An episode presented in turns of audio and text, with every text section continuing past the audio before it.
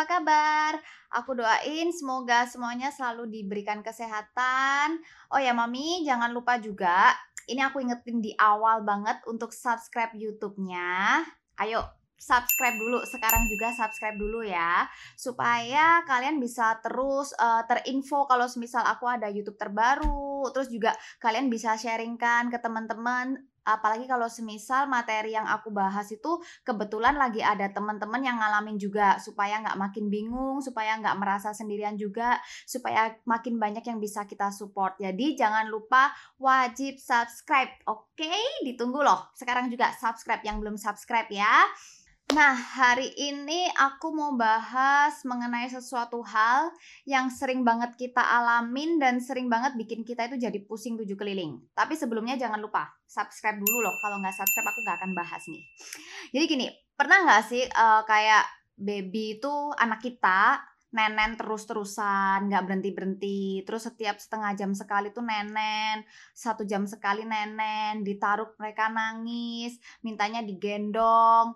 Terus uh, sampai padahal payudara kita tuh udah lembek, tapi tuh kayak mereka tuh nenennya kayak nggak sabaran banget sampai kayak ditarik-tarik seperti itu.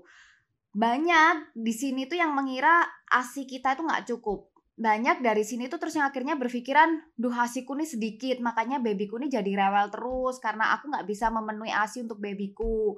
Banyak di sini yang akhirnya tuh galau-galau sampai uh, memilih memberi baby sufor karena merasa asi tidak tercukupi banyak nggak yang seperti itu padahal mam sebetulnya ada fase yang namanya baby ini growth spurt ya benar growth spurt itu adalah percepatan pertumbuhan baby Nih, aku mau bacain uh, menurut Dr. Joshua May, dia itu seorang pediatrik bidang endokrinologi di Los Angeles. Dia tuh bilang dalam setahun pertama kehidupan baby, semuanya meningkat secara cepat. Metabolisme bayi berjalan dengan cepat sehingga dia perlu menyusu dan frekuensi yang lumayan sering. Di garis bawah ini ya, dia perlu menyusu dengan frekuensi yang lumayan sering.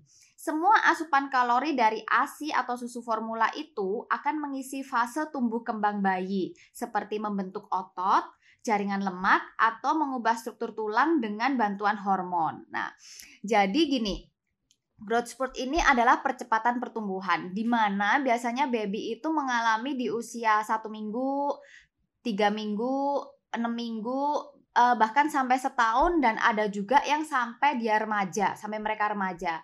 Tetapi waktunya ini nggak nggak melulu berarti satu minggu dua minggu nggak. Ada juga yang uh, babynya usia satu minggu mungkin belum growth spurt. Mereka mungkin baru mengalami di usia kedua minggu seperti itu. Di mana fase-fase ini biasanya tuh ciri-cirinya kayak gini baby tiba-tiba tuh uh, jadi lebih rakus nenennya. Jadi tuh kayak nenen terus biasanya mungkin nenennya baby tuh per dua jam.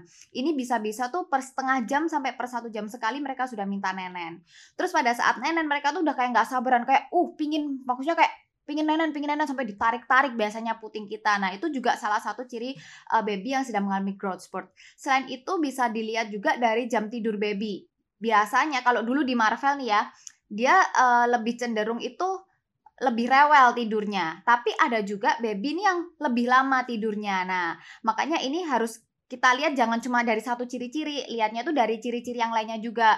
Terus ada juga uh, baby ini lebih rewel karena mereka tuh lebih pingin kayak nempel sama kita terus. Jadi kadang digendong, uh, tapi waktu udah dinenenin, udah tidur, begitu ditaruh mereka bangun lagi. Nah, di sini ini sebenarnya asi kita tuh bukan berkurang, asi kita tuh bukan bukan nggak cukup gitu loh kan. Kadang kan kita kayak liatnya anak aku nih rewel nangis terus minta nenen terus gitu payudara aku padahal sampai lembek. Aku kerasa asiku tuh nggak cukup. Enggak di sini tuh sering banget tuh kita keliru keliru mengartikan di situ yang mana ujung-ujungnya akhirnya kita beri sufor Nah, karena kita merasa ASI kita kurang, kita beri sufor. Nah, pada saat kita beri sufor, kita nggak pompa. Nah, akhirnya ASI berkurang beneran. Selain itu juga kadang tuh seperti ini, karena anak kita rewel tuh tadi, kita tuh jadi stres kan. Kenapa ya ASIku gini? Kita jadi ngejudge diri sendiri, kita jadi menghakimi diri sendiri. Di mana ibu menyusui itu kan perlu ibu yang relax. Kita perlu perlu diri kita tuh yang relax gitu loh. Karena kita nggak relax, otomatis dengan pikiran-pikiran yang uh, apa ya pikiran-pikiran yang ke mana-mana padahal ASI itu juga diproduksi di salah satu hormon yang ada di pikiran kita. Nah, akhirnya juga uh, itu mempengaruhi banget di produksi ASI. Otomatis produksinya bisa merosot betul betulan kayak gitu. Padahal sebetulnya kalau growth spurt itu karena frekuensi baby itu uh, sering minta nenen, harusnya kita nenenin aja sesering yang baby mau gitu loh. Karena apa? Pada saat Uh, mungkin mami-mami makanya harus harus lihat ya uh, ini YouTube aku ini dari pertama sampai terakhir itu berurutan aku bahasnya. Supaya apa? Supaya ketika kalian lihat yang ini itu saling berkesinambungan kalian saling nyambung ngerti alurnya seperti ini. Makanya kenapa aku minta kalian untuk subscribe itu juga tujuannya itu tadi supaya uh, waktu kalian nonton yang ini itu kalian sudah paham dulu sudah paham dulu gitu loh. Oh prinsipnya asi begini oh asi itu begini begini. Jadi ketika aku bahas di sini kalian nggak bingung maksudnya ini apa kayak gitu. Makanya jangan lupa subscribe nya aku ingetin lagi subscribe ya. Jadi gini ketika uh, baby itu growth spurt, dia kan akan minta nenen terus-terusan. Yang biasanya dua jam sekali, mungkin bisa jadi setengah jam sekali sampai satu jam sekali. Ini bukan berarti ASI kalian habis no, walaupun kondisi payudara lembek itu bukan berarti payudara uh, ASInya di dalam payudara ini habis. Baby selama minta nenen kasih aja terus. Karena ketika baby nenen di payudara kita, ASI kita tuh nggak akan pernah habis. ASI kita tuh akan selalu diproduksi. Sama seperti prinsip ASI kan, supply dan demand. Supply sama dengan demand. Di mana demand ini kan uh, ketika baby nenen di payudara kita, otomatis itu mengirimkan sinyal ke otak. Nah, otaknya ini yang akan memproduksi, menyuruh menyuruh tubuh untuk memproduksi ASI itu tadi. Makanya ketika growth spurt ini seharusnya jangan uh, malah dikasih sufor gitu loh. Jangan ketika kalian uh, baby growth spurt ini kalian pikir ASI kalian kurang. Justru di sini ini nanti puncaknya uh, produksi ASI itu juga akan meningkat Makanya kan produksi ASI itu luar biasa sekali ya Tuhan tuh menciptakan ASI kita tuh betul-betul disesuaikan dengan kebutuhan si baby. Nggak lebih, nggak kurang. Itu kalau selama kita DBF. Kalau selama kita nyusuin langsung itu produksi ASI itu betul-betul disesuaikan dengan ukuran baby, ukuran lambungnya, kebutuhan baby berapa. Tapi kalau misal mami-mami mau lebih, boleh sambil dipompa supaya kita kirim sinyalnya tuh lebih supaya tubuh bisa produksi lebih. Nah, makanya di sini kalau semisal waktu baby mami mungkin mami cek ya nanti di rumah baby aku nih uh, ini sudah minggu pertama, misal nih usianya sudah satu minggu atau kalau enggak usia uh, dua minggu. Nah, biasanya tuh di usia satu minggu dua minggu ini adalah awal mula baby itu mengalami growth spurt. Itu tadi ciri-cirinya yang pertama, baby akan menyusu lebih sering. Jadi yang biasanya 2 sampai 3 jam sekali bisa tiba-tiba menjadi setengah jam sampai satu jam sekali. Terus setelah itu yang kedua, baby menjadi lebih rewel. Jadi kayak uh, minta digendong terus, minta pingin lebih deket sama kita. Yang ketiga di jam tidur. Ada yang jam tidurnya menjadi lebih lama, tapi juga ada yang jam tidurnya menjadi lebih cepat karena tadi itu mereka minta bentar-bentar tuh nenen. Kalau dulu yang aku alamin di Marvel ini adalah menyusu lebih sering, lebih rewel dan jam tidurnya lebih cepet. Otomatis tuh kayak aku tuh berasa kayak nggak punya waktu untuk istirahat. Nah terus gimana nih ngatur jadwal pompanya mam selama baby growth support. Aku tetap atur jam pompa ini uh, per dua jam sekali. Jadi ini aku selipin sedikit untuk mengatur jam pompa selama baby growth spurt ini, aku tetap mendahulukan baby nenen. Jadi uh, ketika Marvel minta nenen setengah jam sekali sampai satu jam sekali, aku tetap kasih Marvel nenen.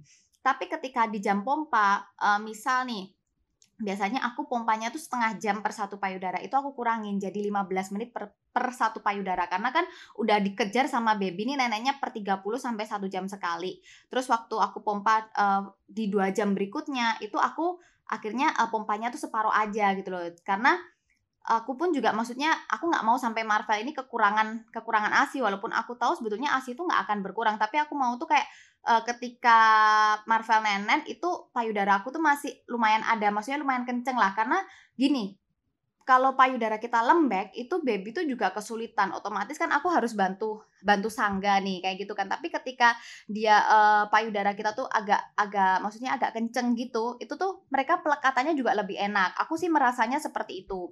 Tapi ini balik lagi ke kenyamanan mami-mami masing-masing. Kalau semisal kalian nyaman dengan menyusui di saat payudara lembek juga it's okay nggak masalah gitu loh pompa aja gitu. Tapi kalau semisal kalian uh, sama kayak aku, aku sih lebih senangnya gini, per 2 jam tapi setelah Marvel Nenen aku pompa sampai habis seperti itu. Jadi sebelumnya Marvel Nenen aku pompa sampai separuh, setelah Marvel Nenen aku pompa lagi sampai habisnya. Seperti itu kalau untuk uh, menyelengi jam pompanya. Jadi mami-mami kalau misal baby kalian lagi growth spurt seperti tiga ciri-ciri tadi, baby menyusu lebih sering, baby menjadi lebih rewel dan baby uh, tidurnya mungkin nggak nyenyak atau mungkin ada yang tidurnya lebih nyenyak lagi, itu kalian nggak usah takut produksi ASI kalian akan berkurang. Susuinlah baby semintanya baby kalian. Misal mau minta 30 menit sekali, satu jam sekali, it's okay disusuin aja. Nah, kalau masih baby ini kan ada proses menyendawakan ya. Kita sendawain kalau semisal yang nyusuin mami, yang sendawain mami, kemungkinan besar ya kita manusia lah, kita pasti ada kayak energi pasti terkuras seperti itu kan. Nggak apa-apa, alangkah baiknya kalau semisal uh, pada saat suami sudah pulang kerja atau misal ada yang membantu atau misal tinggal bersama mertua atau sama orang tua itu bisa kalian minta tolong untuk menyendawakan dan sebisa mungkin juga mami ini uh, istirahatnya itu ngikutin jam baby tidur gitu loh. Jadi aku kasih tips supaya badan kita itu nggak nggak apa ya kan kita kalau nyusuin tuh sebetulnya kita nyusuin gini apalagi habis baru-baru lahiran tuh badan kita tuh rasanya kayak remuk ya kayak capek semua kayak gitu. Nah yang pertama itu juga jangan lupa asupan air putih ini sangat penting banget supaya tubuh kita itu selalu uh, terhidrasi dengan baik seperti itu. Karena ASI itu sebagian besar juga cairan mam. Jadi kita pun juga harus mengisi tubuh kita dengan cairan yang cukup.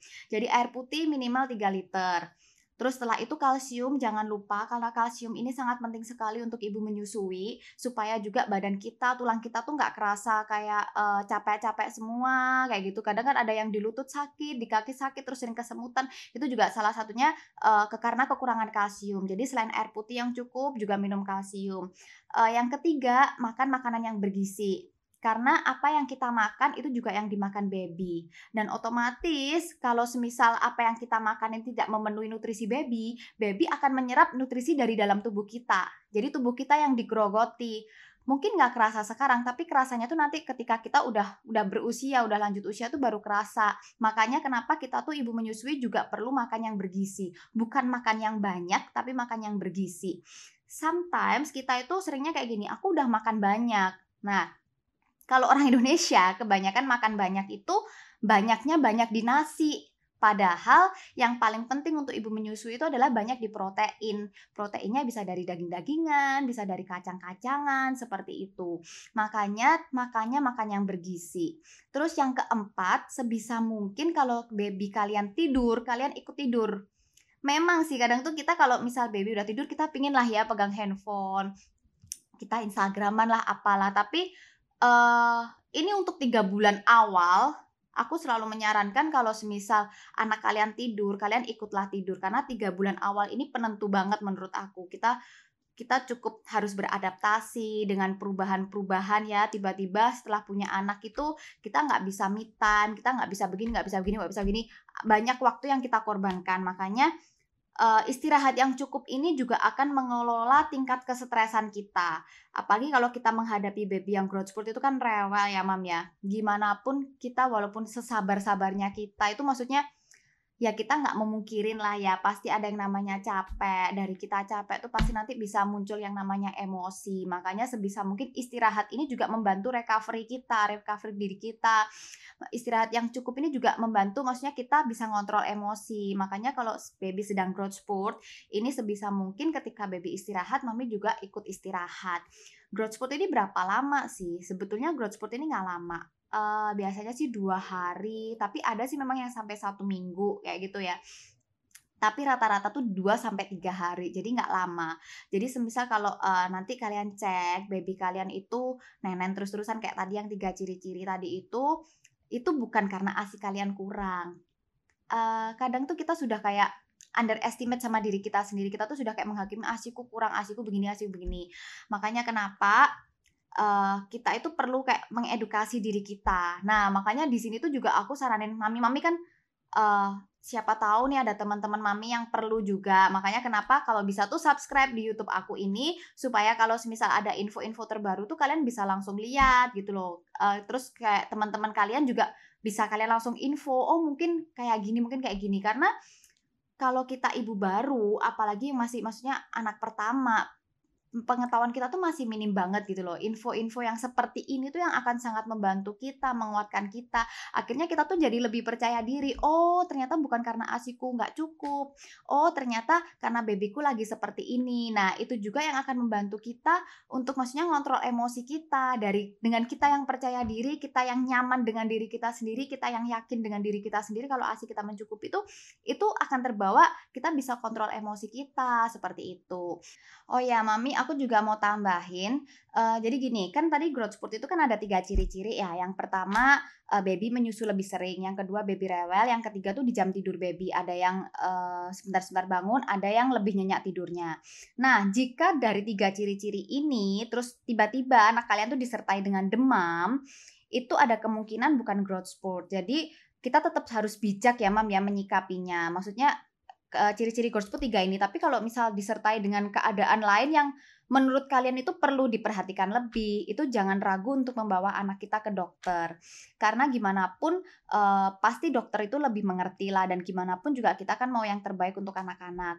Jadi kalau memang ada tiga ciri-ciri ini disertai dengan gejala lain, misal anak uh, jadi tiba-tiba kayak uh, apa ya demam, terus lebih rewel lah atau mungkin uh, kayak kalian cek walaupun dia sering nenen tapi kok maksudnya kayak uh, pipisnya itu di pampersnya kurang seperti itu. Jadi karena baby rewel itu bukan melulu tentang growth spurt juga gitu loh. Jadi tetap uh, kita yang bijak semisal dari tiga ciri-ciri ini disertai dengan gejala yang lain jangan segan-segan untuk membawa anak kalian tetap periksa ke dokter Oke, mungkin sekian dulu yang aku bahas mengenai growth spurt. Semoga ini tuh bisa membantu mami-mami, bisa menambah uh, informasi, bisa menguatkan juga supaya kita tuh nggak salah apa ya, kita nggak salah menghakimi, kita nggak langsung menghakimi diri kita sendiri. Di mana kalau misal baby tuh nenen sering, terus baby kok kayak nyusu nggak kenyang-kenyang, terus kita jadi menghakimi asi kita seret, asi kita kurang, enggak. Itu semua adalah uh, fasenya, memang ada prosesnya sama kayak kita ini uh, naik sepeda, kita tuh nggak bisa langsung bisa. Semua tuh ada prosesnya karena proses jatuh bangunnya seperti itu. Baby pun untuk uh, merangsang ASI itu juga ada proses. Jadi aku selalu mikir kayak gini, fase growth spurt ini sebetulnya adalah fase di mana untuk meningkatkan produksi ASI kita juga. Karena kan di situ tiba-tiba baby yang dua jam sekali tiba-tiba jadi setengah jam sekali menyusu. Ini sebetulnya juga hal yang positif untuk meningkatkan produksi ASI kita. Jadi ketika anak mami mengalami growth spurt, nggak usah bingung, nggak usah takut ASI kurang karena ASI itu akan selalu ada. Nenenin sesering mungkin baby minta, jangan lupa juga asupan air putih, jangan lupa kalsiumnya, jangan lupa makan yang bergizi dan jangan lupa istirahat yang cukup.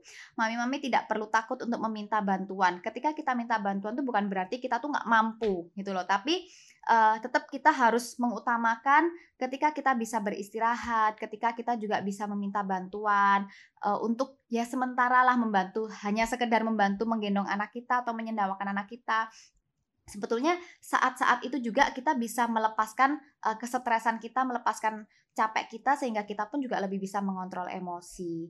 So, buat mami-mami, semoga uh, YouTube aku ini bisa membantu kalian. Jangan lupa subscribe karena akan banyak informasi-informasi yang aku bagikan lewat YouTube ini. Uh, semoga dari YouTube aku ini semakin banyak juga ibu-ibu yang bisa kita support. Jadi kalau semisal ada teman mami-mami yang membutuhkan, jangan lupa ya juga diinfoin YouTube aku dan mereka juga disuruh subscribe. Oh ya, satu lagi ada podcast juga bisa di follow podcastnya. Mungkin itu aja dulu. Uh, nanti berikutnya aku akan lanjut di next YouTube. Kalian yang mau kasih masukan, bisalah kasih masukan mau dibahas tentang apa. Oke, okay, see you.